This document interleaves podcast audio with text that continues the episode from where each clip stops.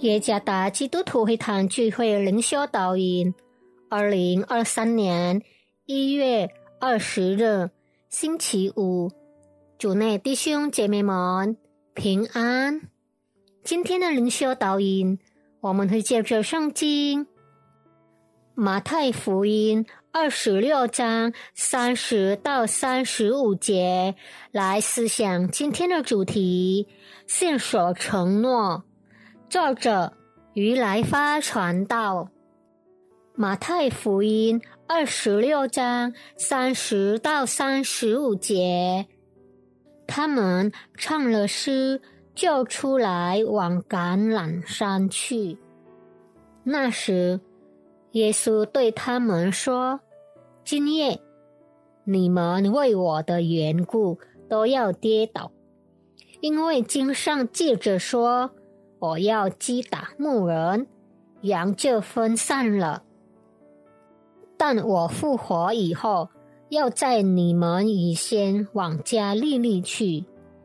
彼得说：“众人虽然为你的缘故跌倒，我却永不跌倒。”耶稣说：“我实在告诉你，今夜鸡叫以先，你要三次不认我。”彼得说：“我就是必须和你同死，也总不能不认你。”众门徒都是这样说。信守承诺是表达真诚不变的爱之其中一个标记。人可以轻易的说出承诺。男士承诺要忠于他的爱人，领导层承诺会为员工做出各样的改善。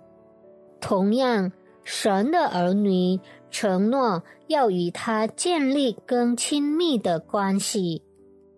但是，结果如何呢？持守诺言并不容易。我们经常看到。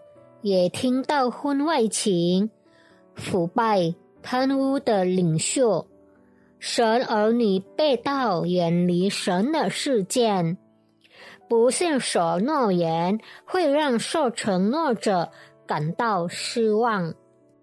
这就是彼得所做的。当主耶稣对他的门徒说：“今夜你们为我的缘故。”都要跌倒。彼得回答耶稣说：“众人虽然为你的缘故跌倒，我却永不跌倒。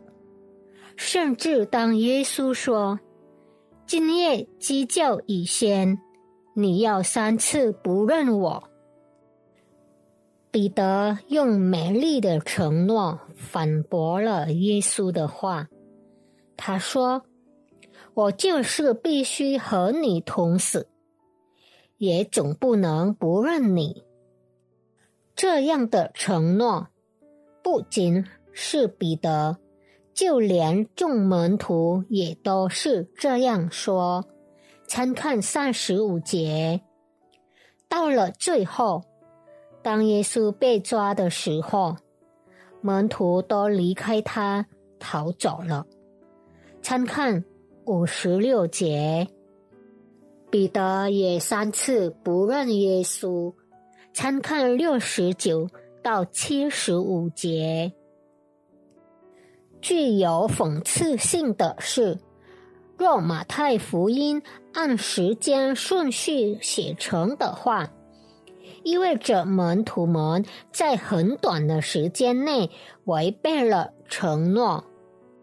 在第二十六章经文中，他们承诺了忠心至死跟随耶稣；而在同一章经文中，他们违背了承诺，离开耶稣，让耶稣独自一人。这就是人类信守承诺的局限。然而，神不同。神总是信守对他子民的应许。